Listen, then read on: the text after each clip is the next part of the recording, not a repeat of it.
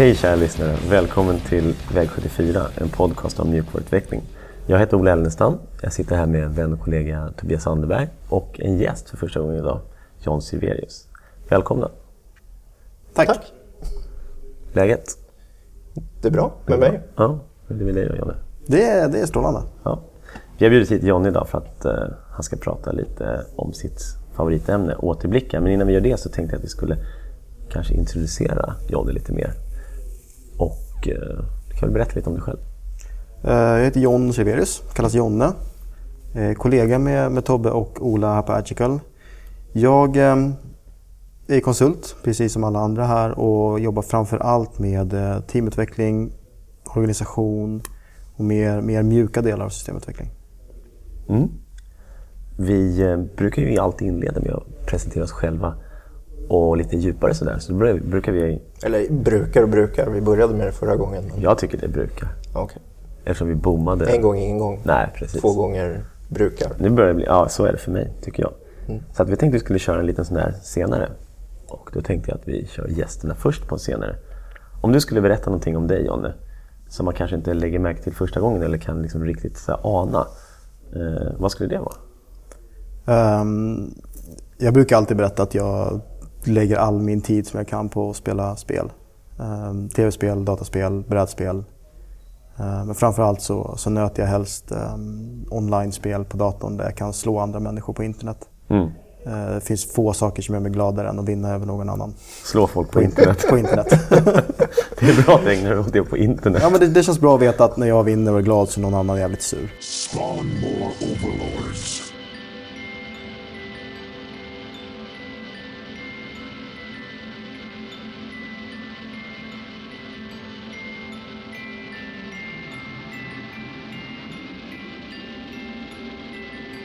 Tobbe, har du någon senare?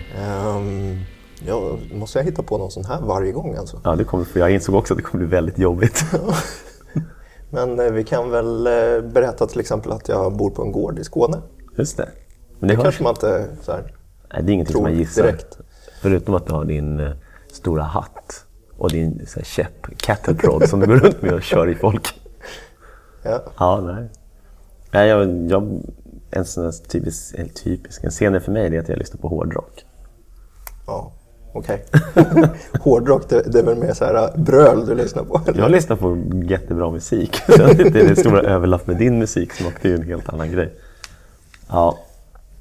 Nej, jag tror att det är dags för nästa programpunkt. Vi kör ju inzoomningen.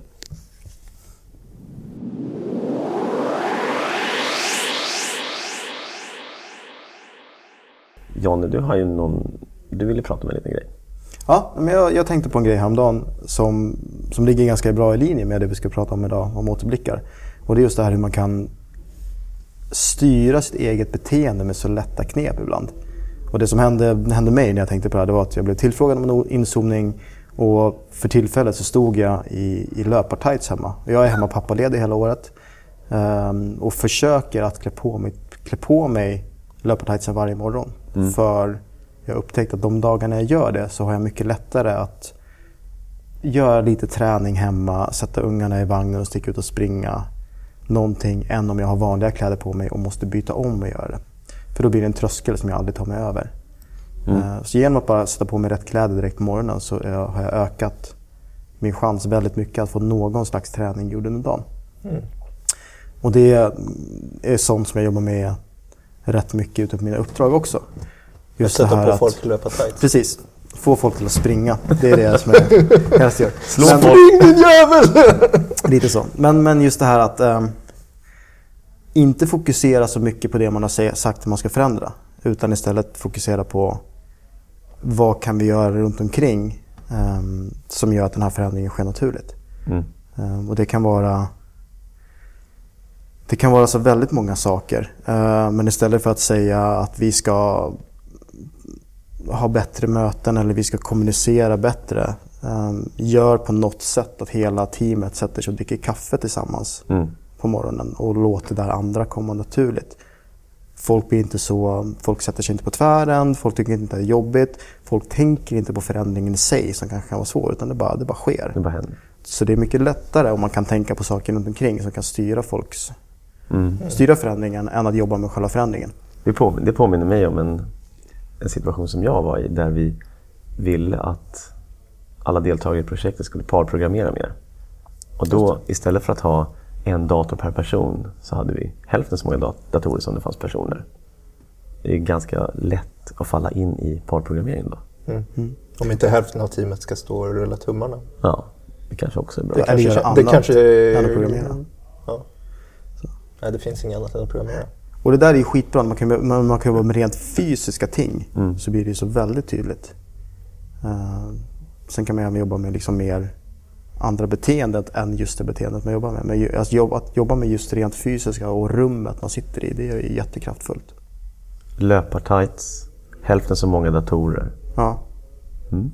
Det var det, jag, jag var inne på det här lite när vi diskuterade det här att Ola kanske borde börja sätta på sig labbrock varje morgon. För Varför då då? kommer du ha lite lättare att laborera när du programmerar. Ja, det är bra. Så har jag på mig labbrocken när jag kommer hem och ska laga mat också. Och så ser, ser du väldigt chic ut också hela dagen. Det gör jag. Det kan jag behöva.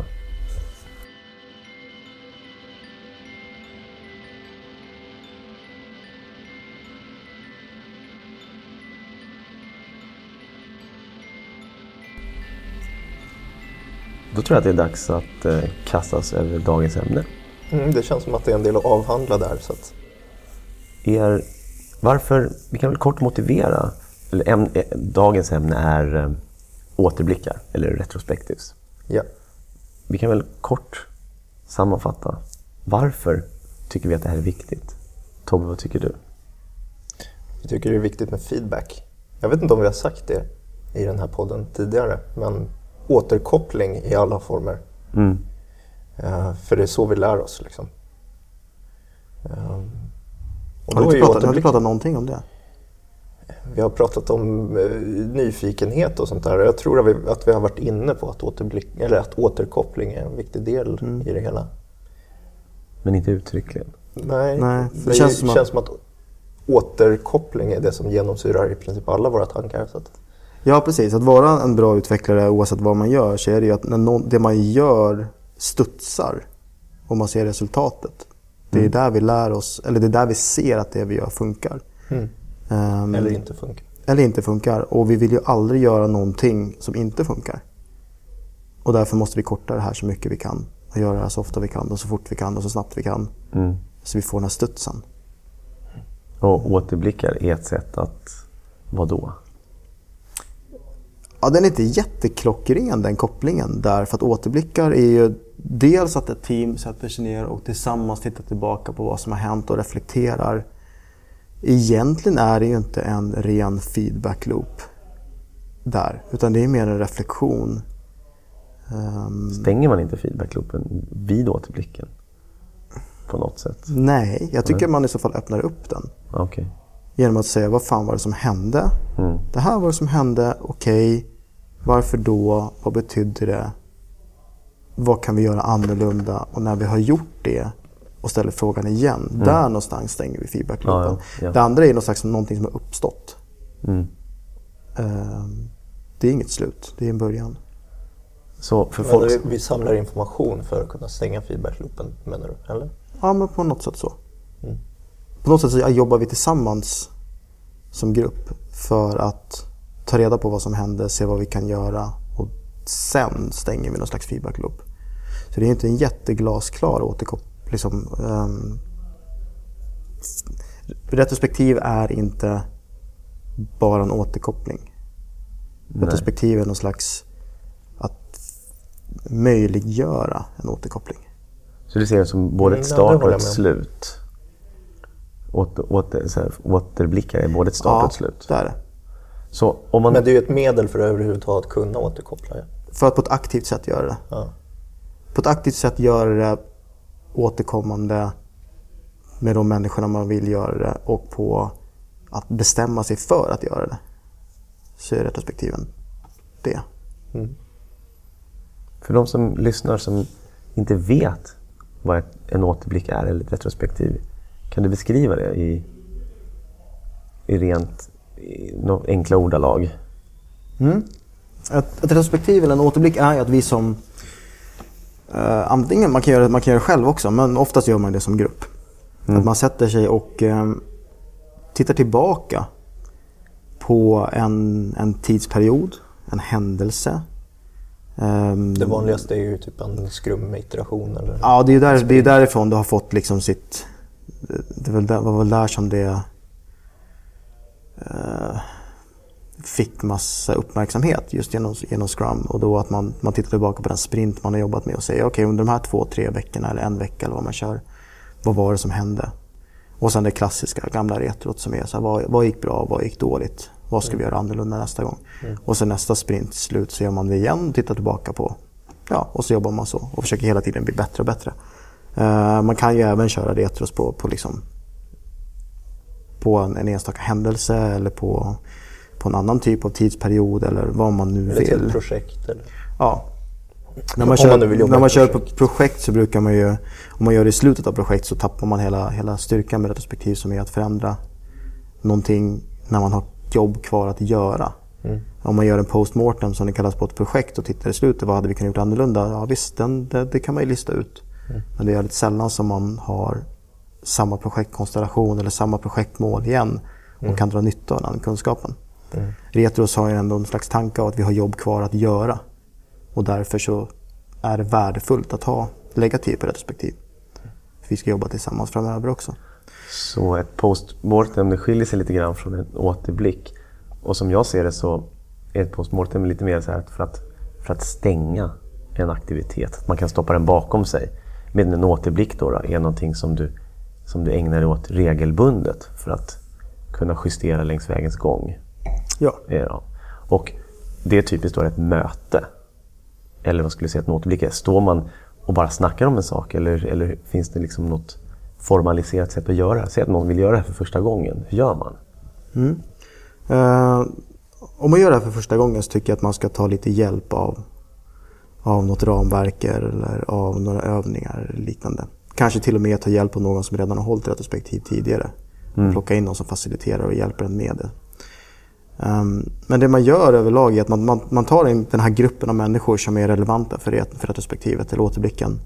Bestämmer en tid och plats där man träffas och bestämmer lite vad man ska prata om. Och vad man bestämmer vad man ska prata om så kan det vara den här tidsperioden eller den här händelsen. Ehm, men om vi säger den här tidsperioden. Vi ska prata om de senaste två veckorna som vi har jobbat tillsammans. Ehm, så kan man sätta upp ett litet, en liten agenda för det mötet. Och det absolut viktigaste med den agendan det är att man kommer fram till något som man ska göra annorlunda framöver. Något man har lärt sig av den här diskussionen som vi hade under den här återblicken och hur vi ska förändra vårt beteende framöver. Det är hela det är det som, som den här återblicken ska liksom mynna ut i. Och den ska vara väldigt konkret och man ska förstå hur den ska förändra vår tillvaro. Och där finns det massa olika sätt att göra det här på. Men om vi ska vara, liksom, göra det simpelt nu då så har Esther Derby och Diana Larsen skrivit en gammal bok som heter Agile Retrospectives eh, som kom för 10-15 år sedan. Ganska länge sedan. Och där lägger de upp ett väldigt simpelt ramverk i, i fem delar. Där man börjar med att, att öppna upp mötet. Och vad man gör är att man förklarar lite syftet med det och ser till att alla är på banan, alla har stängt av sina datorer och mobiler och är, är fokuserade. Eh, man kan köra en liten, liten icebreaker om man vill göra det för att få, få folk att prata. Efter det så går man in på, på samlad data och det vad man gör där är att man ser till att alla pratar om samma sak. Om det är den här tidsperioden vi pratar om så kan man göra övningar som på något sätt målar upp vad som har hänt under de här två veckorna. Så alla minns vad som hände. Eh, och alla minns eh, olika händelser som vi kanske ska diskutera den här gången. Sen kan man kanske välja ut något av det här och gå in på den tredje delen- av ramverket som är att analysera. Och där börjar vi reflektera. Där går vi från, om den här samla data är en, är en objektiv fas och vad det som faktiskt hände, fakta, så är analysera och reflektera mer en subjektiv fas. Det här är min reflektion. Så här ser jag på det. Det här tycker och tänker och tror och känner jag om den här händelsen. Utifrån, och den diskussionen är bara helt öppen. Det finns inget rätt, inget fel. Eh, det finns inga beslut, det finns inga åtgärder, det finns ingenting än. Men än så länge så bara pratar vi om vad som hände. Och försöker få ut så mycket som möjligt ur alla som är med på mötet. Den fjärde fasen är den bestämmande fasen. Um, Okej, givet det här och givet vår reflektion. Vad ska vi göra annorlunda och vad ska vi försöka uppnå med det? Och där ska man vara väldigt konkret. Och där räcker det inte. Det räcker som inte med att säga att ja, det här var dåligt, vi ska göra det annorlunda. Det Nej. räcker inte. Eller det här var dåligt, vi borde göra det bättre. Det räcker inte heller. Um, för att ta ett ganska vanligt exempel. Då. Ja, men, vi, tappade den här, vi tappade den här bollen mellan stolarna utan vi, vi, för att vi inte pratar med varandra. Vi måste prata mer. Nej, det är som inte tillräckligt bra. Utan det kommer inte leda till någon förändring. Utan hur ska vi göra för att prata bättre? Vad är det liksom det konkreta här? Ska vi se till att klockan 10 varje dag så sätter vi oss och diskuterar, eh, sätter oss och pratar om just den här grejen i två veckor framöver för att vi ska sätta det beteendet. Väldigt, väldigt konkret. Man ska veta precis hur man ska göra. Alla ska veta precis hur man ska där, göra. där tror jag det är också, man har väldigt mycket hjälp av någon som har gjort det mycket tidigare. Mm. För att det är just det där, den som leder mötet, det tar rätt mycket övning att hitta just de där, Mm. att kunna styra det där rätt så att man får de där konkreta punkterna. För det känns som ett ganska vanligt fel annars. Man går ifrån mötet med antingen en extremt flummig punkt som inte händer någonting med, eller typ en bunt med punkter som inte heller kommer hända någonting med. Ja, och där är min erfarenhet så är det vanligare att, att grupper hellre bestämmer vem som ska ta hatten eller ansvaret för punkten än att bestämma vad som ska göras för punkten. Istället för att tillsammans sätta sig och konkretisera den här åtgärden och säga okej, det här är det vi ska göra tillsammans. Så har man så väldigt lätt att säga, ja men Maria eller Kalle, du får ta ansvaret för att det här blir gjort. Och sen går man därifrån. Eh, Och man, är man nöjd för att man har liksom utsett någon ansvarig. Men om man istället konkretiserar och säger det här är det vi ska göra annorlunda, då behövs sällan den här ansvariga personen. Det behövs som inte för att då har teamet på något sätt de tar ansvar för det för att de har själva suttit och bestämt vad som ska göras annorlunda och gått med på det. Så det var fjärde och sen så till sista femte punkten som är just då stänga, stänga retrot. Eh, och där kan man ju eh, försöka göra någon liten övning om man vill för att kanske så här, lätta upp stämningen om man känner att det behövs. Ehm, eller bara helt enkelt göra en, en liten återblick på återblicken och säga okej vad var det vi faktiskt pratade om, vad kom vi fram till? Det här är slutsatsen, det här är det vi ska göra. Ehm, och sen så går man därifrån och är klar. Så för att eh, åter berätta det här för våra, för att repetera det här för våra lyssnare då. Ett, man börjar med att eh, rigga scenen. Ja. Två, man samlar in data. Tre, vi analyserar vårt data. Man går ifrån en, den här objektiva fasen till den subjektiva fasen. Tre, eller fyra, vad ska vi göra härnäst? Man bestämmer någonting väldigt konkret vad man ska göra. Och sen fem då, då stänger retrot.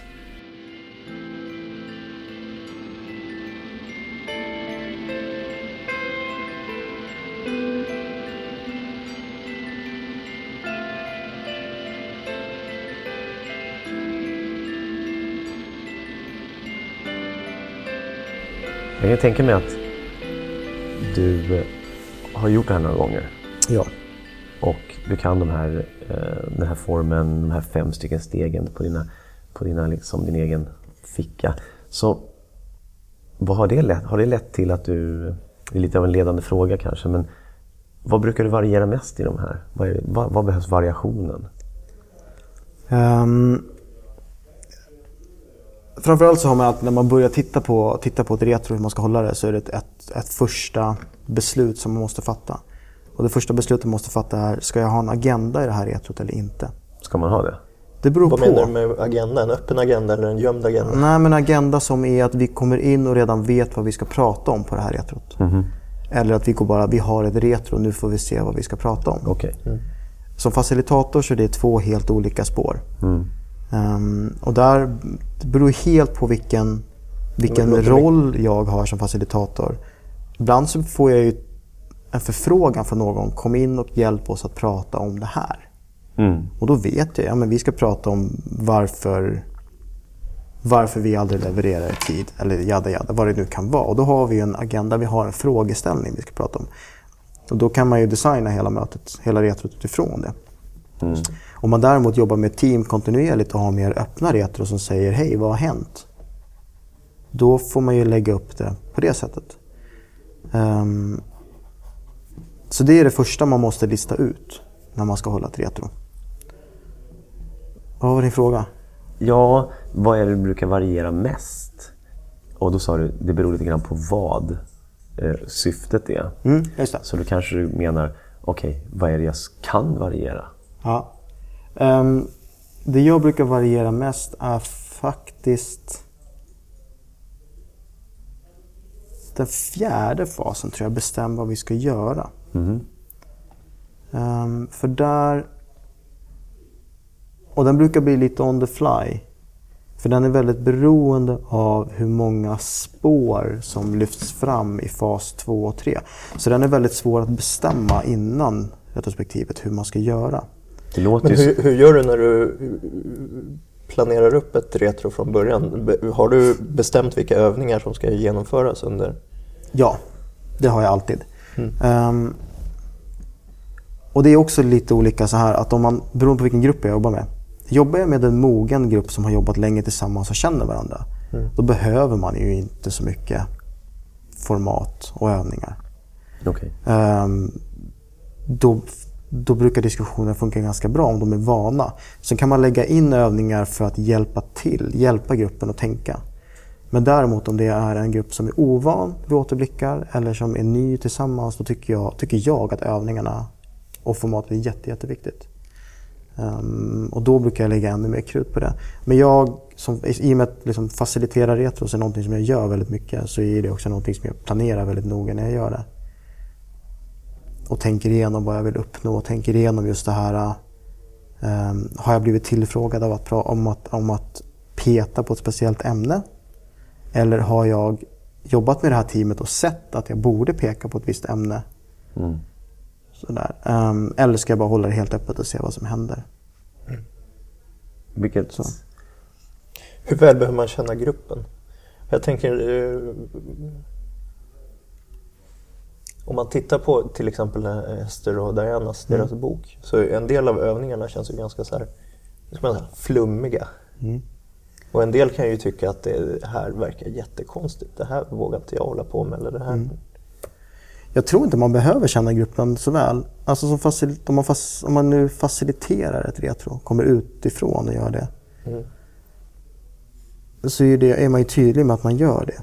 Ehm, däremot så kan man ju hamna i dåliga situationer ifall man lägger upp, så att man lägger upp rätt intima övningar och så har du en dysfunktionell grupp. Så kommer det krascha. Och det, jobbar man med en grupp som man inte känner, då måste man göra lite förarbete och lista ut sådana saker. Eh, hur är stämningen i gruppen? Och vet man inte sånt på förhand så skulle jag passa mig för att, eh, att köra liksom väldigt intima övningar eller köra övningar som kan, kan explodera. Ehm, Har det hänt någon gång? Att ett retro halvvägs in ja, har exploderat ja, i ansiktet? Ja, nej, inte exploderat i ansiktet. Imploderat Jaha. har hänt, kan man säga. Jag har faktiskt aldrig varit med om ett retro som har exploderat i liksom så här, konflikt. Nej. Så, men jag har varit med om, om retro som har imploderat och blivit extremt jobbiga. Och blivit, och Och liksom- pe- personerna sluter sig och vägrar prata? precis. Och Okej. blir tysta och det blir vet, så här, extremt tungrot och svårt. Och det går inte att komma fram till ett enda beslut. Och, ehm, och jag, eh, jag, ska, jag kan berätta om det som hände. Det, jag, var, jag jobbade, på, jobbade på ett ställe och där, hade vi, där faciliterade jag retros med många olika grupper. Mm. Och det här var en grupp som jag träffade första gången, det var deras första retro.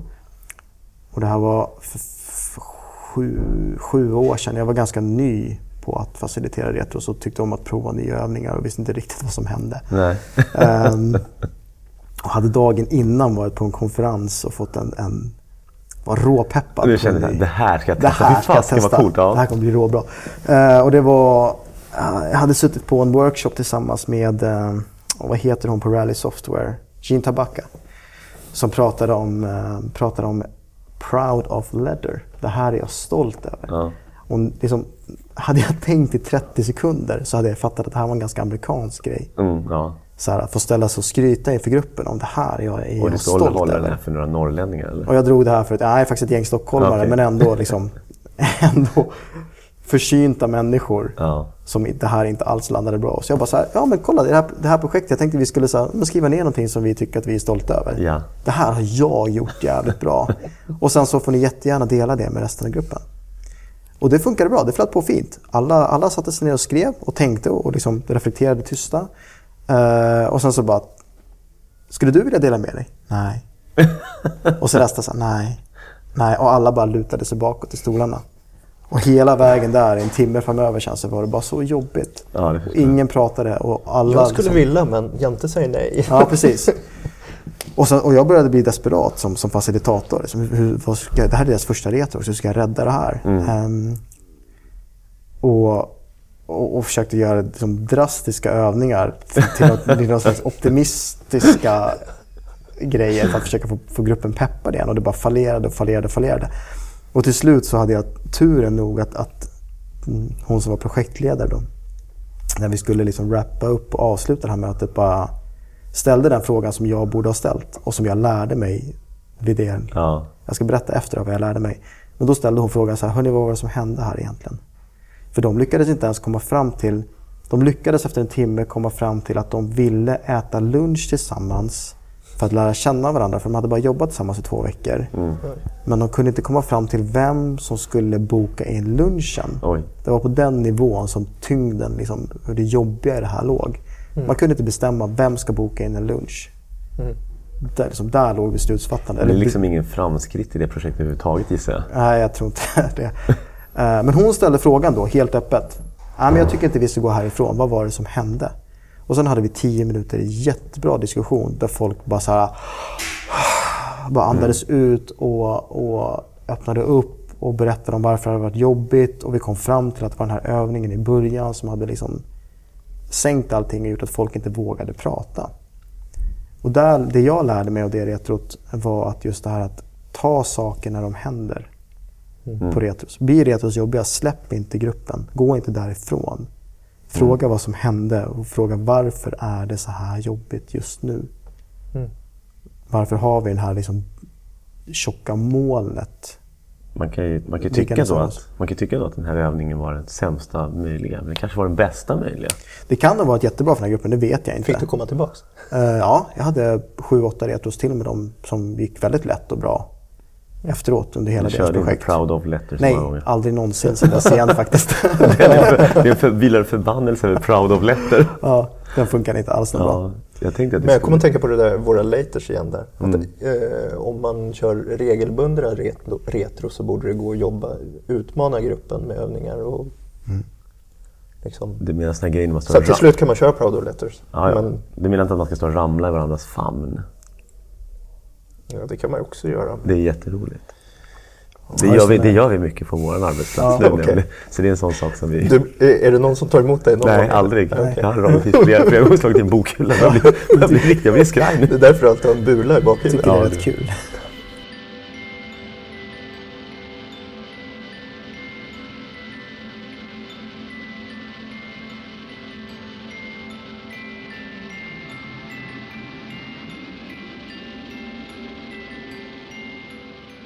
Om man, om man nu ska hålla sitt första retro, man tänker att man lyssnar på den här podcasten, man är så otroligt pepp.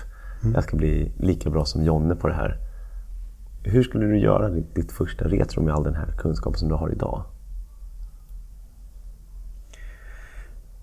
Jag skulle mm, planera noggrant. Eh, Jag skulle vara öppen för att, att planeringen skiter sig också. Och försöka vara en bra människa på plats. Men jag, jag skulle planera. Jag skulle utgå från de här fem faserna som vi pratade om. Jag skulle se till att under den första fasen som jag öppnade upp, att alla pratade. Ha någon typ av simpel frågeställning. Ha någonting som gör att alla måste prata. Jag skulle däremot, Vad menar du då när du säger alla måste prata? alla måste ha sagt någonting. Ingen får gå in i ett retro tysta.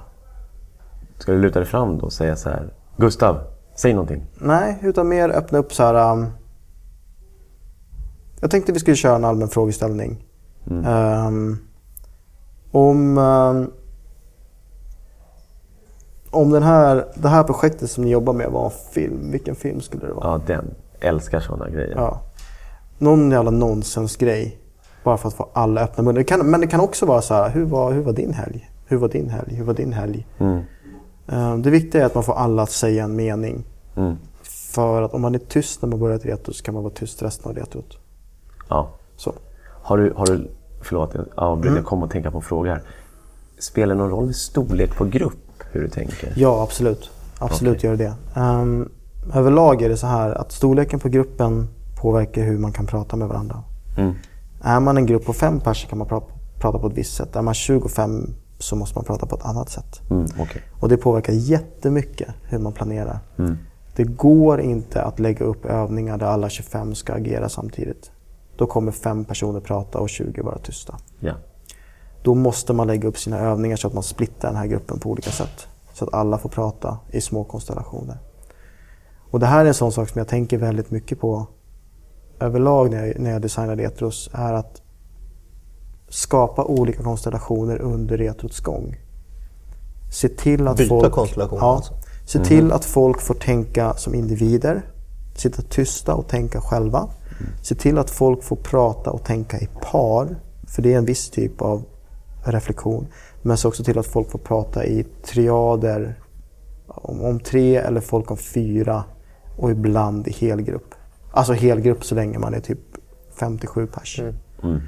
Ehm, om man är helgrupp om större grupp, 25-30, så kör jag aldrig sånt förrän i slutet där vi kör väldigt generella diskussioner eller slutsatser. Eller bara liksom, är det någon som har en allmän reflektion som ni vill ta inför Ja. hela gruppen?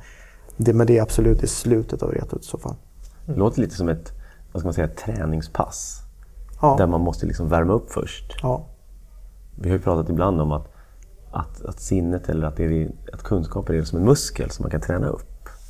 Och det kanske känns, det kan man ta den metaforen igen här då, att man först värmer man upp muskeln eller gruppen. Sen kan man börja med de svåra stretchingövningarna eller ta i ordentligt. Ja. Mm. Och det, det stämmer helt och hållet. Mm. Ehm, så se till att skapa olika konstellationer. Byt mellan människor, byt par, byt grupper. Uh, se till att folk får sitta själva och tänka. Sen finns det också den här skillnaden i att eh, många brukar se på det och säga att man bara skriver bara lappar. Ja, jo, och det finns en poäng i det. Eh, och den poängen är att, att vissa människor behöver få sitta tysta själva och tänka och skriva sina lappar och sen dela med sig. Andra människor är bättre på att bara spotta ur sig det de tänker på. Men om man alltid kör det här öppna samtalet, då är det vissa människor som inte får ta plats för att det är deras personlighet.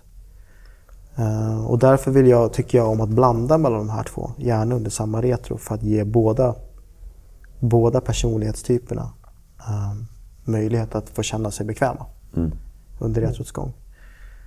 Ehm, Så jag tänker mycket på, på eh, hur de olika övningarna ska ge möjlighet för olika människor att, att komma till tals och även att man ska få prata med olika människor i gruppen så att många får prata med många under det här retrot. Mm. Sen så tänker jag mycket på flytet. eh, Att, att övergången mellan övningarna, de här fem faserna, ska funka på ett bra sätt. Mm. Ehm, i, om man gör en övning så måste det vara väldigt tydligt med varför man gör den och hur Okej. man använder den senare i retrot. Okej. Och man ska gärna kunna förklara det i början av retrot. Säga vi kommer göra det här och det här och det här på grund av det här och det här och det här. Det här ska resultera i det här. Som vi kan använda sen. För annars så kommer ni få de här människorna som sitter och säger det här är slöseri med tid. Varför ska jag sitta här? Varför gör vi den här löjliga övningen? Varför kan vi inte bara prata med varandra? Mm. Ja, men du har ju ett syfte till övningarna, så förklara det för gruppen. Ja, det är väl bra. Det är Det finns väl- ingen anledning att, att dölja det. Man måste väl, vad ska man kalla det, prima hjärnan och liksom säga Ja. så vi gör det här för att. Samtidigt som man kanske också måste påminna folk om varför de sitter där. Det också. Så istället för att de här, den- så här typ, ah, men nu går vi och jobbar.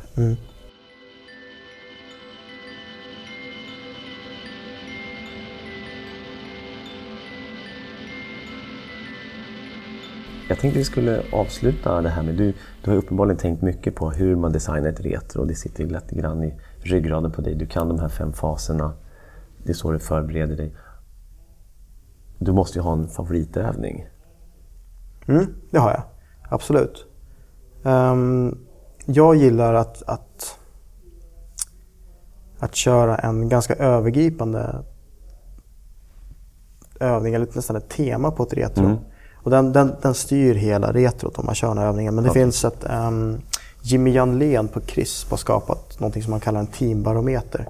Som är 16 olika frågeställningar som man kan gå igenom. Man kan antingen göra ett ganska långt, stort, det tar två timmar att gå igenom de här 16 övningarna. Okej. gör det.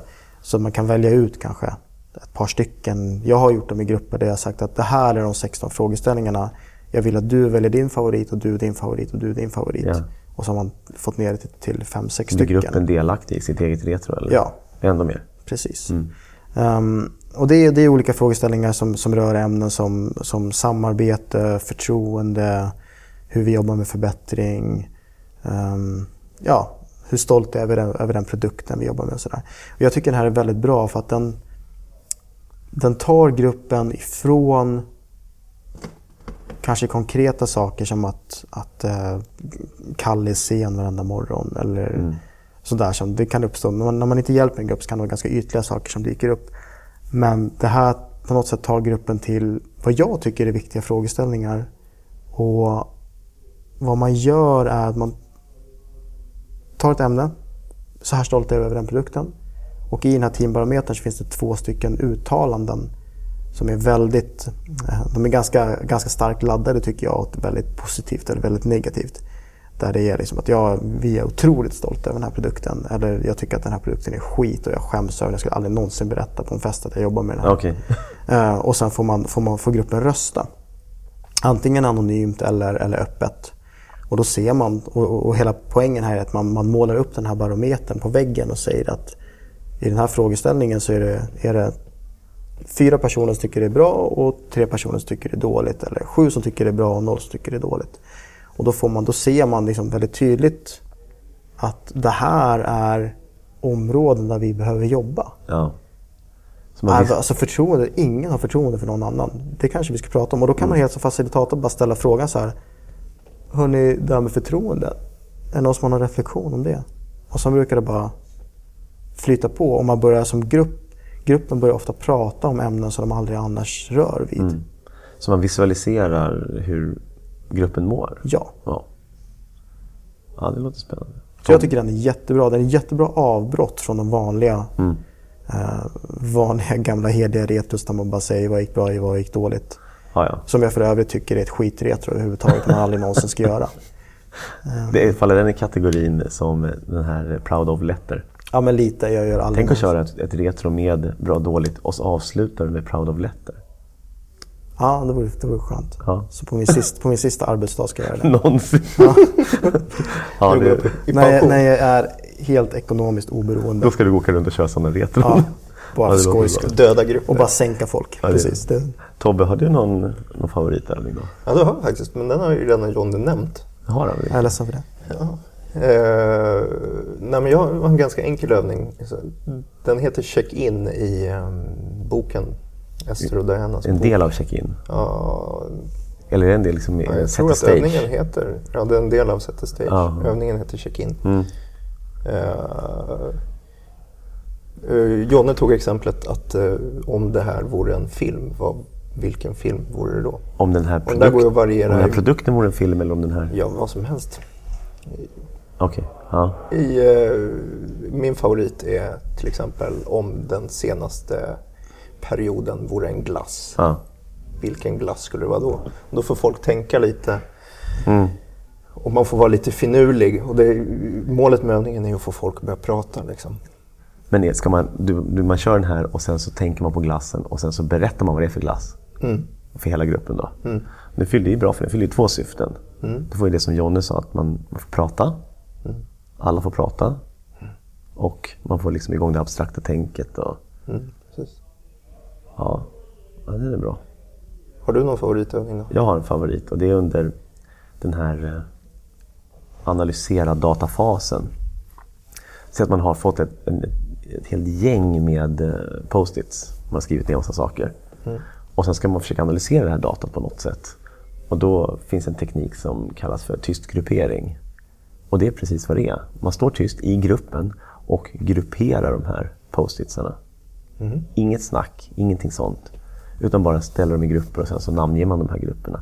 Och instruktionerna som jag brukar ge är att man, ni ska tyst gruppera de här post- post-itsarna, de här lapparna.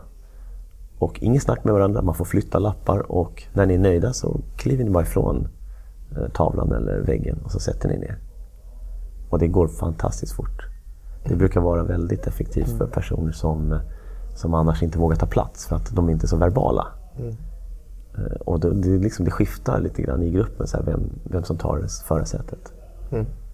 Så det är kul att analysera vilka som tar förarsätet när det är snack och vilka som tar förarsätet när det är handgripligheter.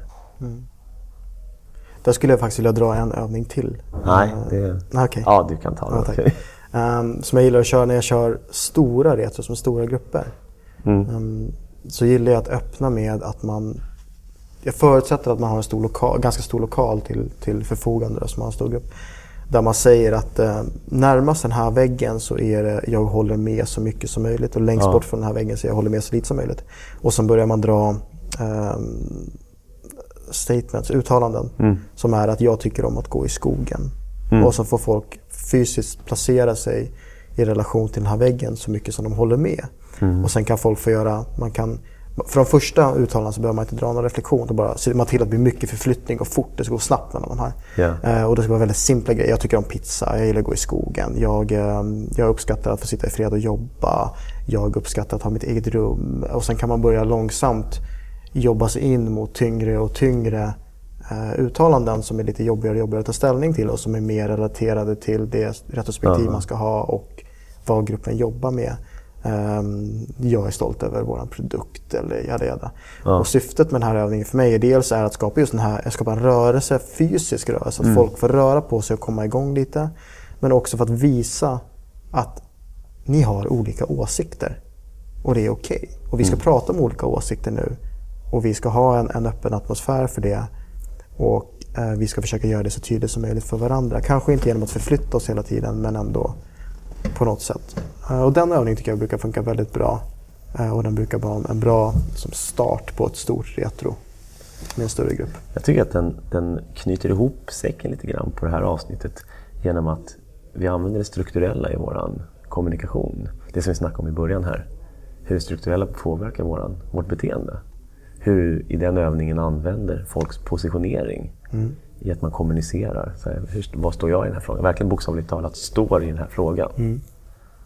Så med det så tycker jag att vi, vi kastar oss över avsnittet. Så jag har en sista fråga till Jag har en, en del till som jag vill prata om också. Som är just det här eh, eh, retrospektiv kontra kontinuerlig reflektion.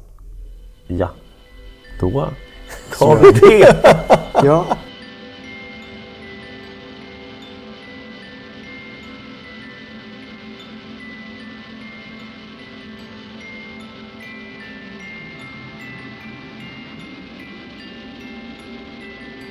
Ja, men retrospektiv är ju, och det kommer ju från, från, från Scrum, just att man jobbar i sprintar och man tar ett, ett, ett retro mellan sprintarna och pratar om, om den senaste sprinten. Och det har, ju, det har ju blivit så mycket sjukdomar av det.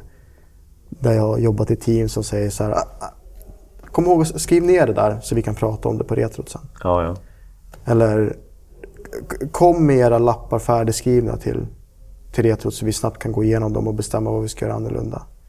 Och man tappar hela liksom, analysen, reflektionen och, och diskussionen i gruppen som man behöver. Jag tycker att retrospektiv är jättebra för att låta gruppen fokuserat få avsätta tid för att prata om kanske saker som de inte hinner prata om annars. Men det får på något sätt inte aldrig hindra kontinuerlig reflektion och förändring under arbetets gång. Om byggservern går ner hela tiden, vänta inte två veckor med att prata om det. Man skriver en liten lapp och lägger i en brevlåda och säger Ja, det här tar vi på retrot. Ja, det vore, bra om, Retrolådan. det vore bra om byggservern funkade. Ja. Det handlar om att vi vill korta feedbackloopar Precis. så mycket som möjligt. Precis, Och det och där Scrum- snabbaste återkopplingen är att ta det direkt. Och där Scrum har lett till att många förlänger feedbacklooparna därför att man väntar på att sprinten ska ta slut. Man vill ju inte vara utan saker att säga ju. Nej, man vill inte vara utan Man får, struktur. inte, man får inte prata liksom under sprinten. Nej. Nej. Nej, det är sant. Ehm, Så ditt Och tips så- så är det- gör inte så. nej men precis, gör inte så. Alltså jag tycker att man ska jobba... I den bästa team så behöver man inte ha retros, Okej. skulle jag säga. Mm. Då sticker du ut hakan lite. Ja. Därför att jag tycker att det ska vara en sån... Att vilja jobba på det sättet och jobba med den typen av förbättring ska vara så naturligt för ett bra team att det ska inte behövas retros. Den tiden ska avsättas automatiskt när man känner att man har behov. Mm. Och där man har små och stora frågor och ibland säger man bara så här, hörni, vad fan, nu går vi och tar en kopp kaffe och pratar om det här. Ja, så du, det är ju lite grann av ett ad hoc-retro. Ja, precis. Och så blixtrar man igenom de här fem faserna. Ja, Man, liksom, man riggar scenen genom att säga gå och ta en kopp, en kopp kaffe, sen samlar man in data, analyserar Mm. datan, bestämmer oss vad ska vi göra. Sen stänger man det och säger bra, det här var en bra fika. Och det är precis. ett litet miniretro där och då. Ja. Ja, det är coolt. Vad hade du för frågor? Jag, jag inbillar mig att det kan finnas folk som lyssnar på det här som tycker att det här verkar jättebra med retros och sånt där. Men de har aldrig haft ett retro i sitt team till exempel. Hur bär man sig åt för att säga att jag tycker vi ska ha ett retro? Eller säger man bara jag tycker vi ska ha ett retro, en återblick? Alltså, det, Det, det ju, jag, jag minns till exempel, vi hade, var i ett projekt du och jag Ola, där vi var tvungna att kalla retros för roliga timmen för att överhuvudtaget få mandat att köra det. Ja. Och det man ville signalera med det är att ja visst, ni kan få prata lite men ni, det kommer inte mynna ut i någonting vettigt. Nej, det var, liksom. det var lite av, dysfunktionellt. för det första har man ju två sidor av det. Dels så har du team själva som är rädda för att sätta sig och prata med varandra.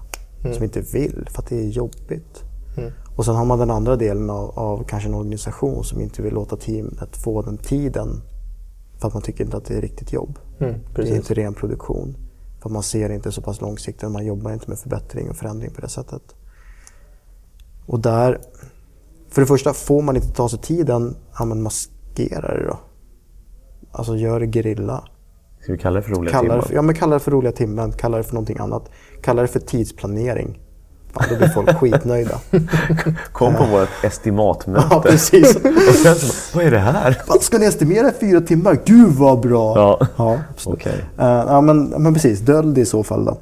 Om teamet själva inte vågar och inte vill, ja men börja lus, lus, luska i det. Våga ställa de jobbiga frågorna. Lista ut varför teamet är så rädda för att prata med varandra. Mm. Ehm, Ta det på morgonmötet Grupper är ju en, istället. ja, grupper är ju en, är en relation och, och mår man dåligt i sin relation, då mår man dåligt i sin relation. Då får man börja där. Mm. Familjeterapi. Ja, precis. Så simpelt. Och då kanske det ibland, ibland är lätt att plocka in någon annan eller så har man någon i teamet som vågar ta det där extra steget och vågar ställa de där frågorna och vågar prata och vågar liksom ta det där jobbiga. Mm. Men det, det är lite grann så här som du sa i början, att man tar det jobbiga på en gång. Mm. Det där jobbiga proud of letter. Liksom. Du borde, du borde liksom, här, oj, någonting är på väg att barka åt helsefyr. Vi tar det på en gång. Ja. Vi står inte och väntar på det. Och, ja. Men framförallt är det nog bara att sätta igång och se till att det blir något konkret av det och se vad som händer. Ja. Ehm, Du menar att när du säger konkret av det, att det blir att mötet blir av eller att det händer någonting efter att mötet resulterar i att man förändrar någonting. Okej. Och sen förhoppningsvis ger det en positiv förändring Mm. som gör att det blir lättare att hålla nästa möte. Ja, jo, jag menar att det, att det händer någonting efter. Annars, så, annars hamnar man i det här att man är på mötet och sen så två veckor senare kör man ett retro igen och då är det samma frågor som dyker upp. Det är det här gammalt skåpmat-retrot. Ja.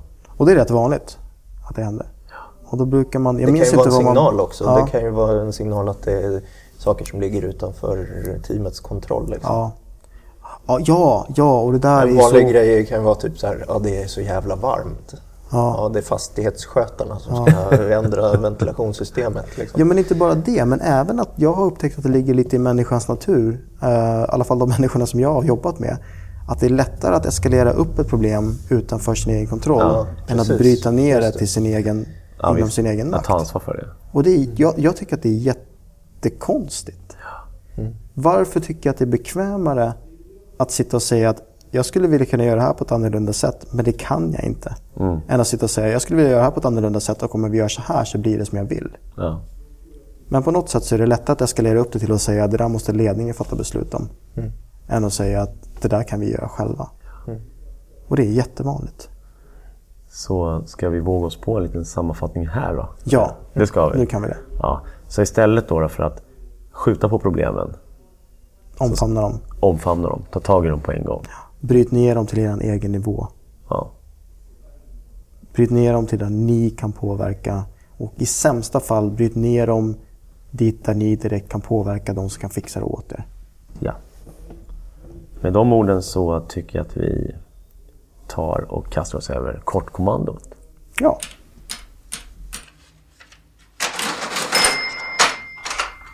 Så, kortkommandot för er som lyssnar första gången, det är vad det låter. Det är liksom vårt sätt att uppmuntra händerna på tangentbordet, eller?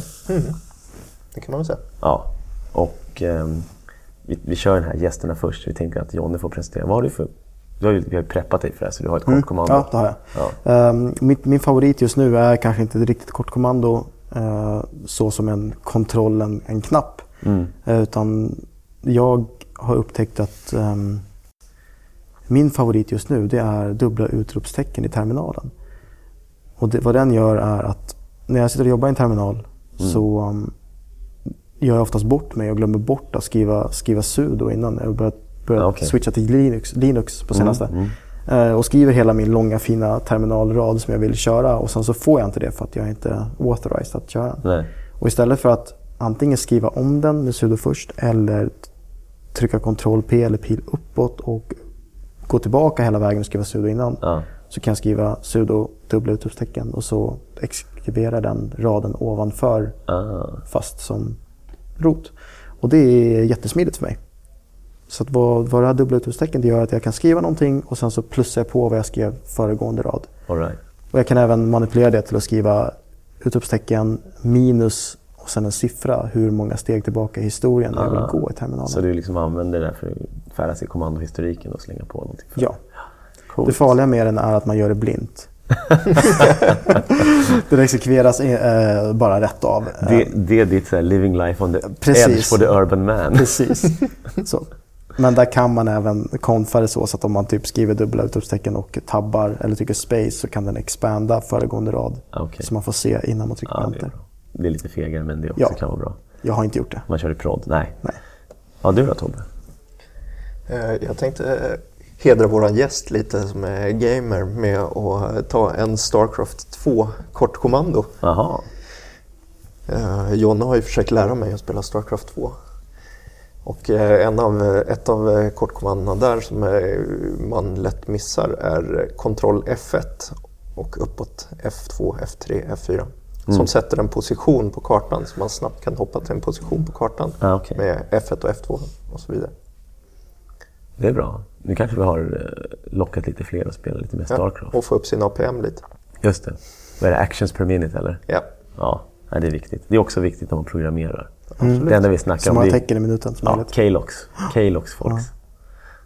Eh, Hur många ja, rader kod kan, kod kan utvecklarna skriva? Hur fort kan vi bli klara med Exakt, projektet? det är det enda som räknas. Mm, men är synd, nu hör man inte ironi kanske, eller man vet inte. Men vi är faktiskt lite ironiska. Stor, stor, ironiflagga. Stor ironiflagga på Klox. Ehm, jag blev lite inspirerad av dig Tobbe, från förra veckan.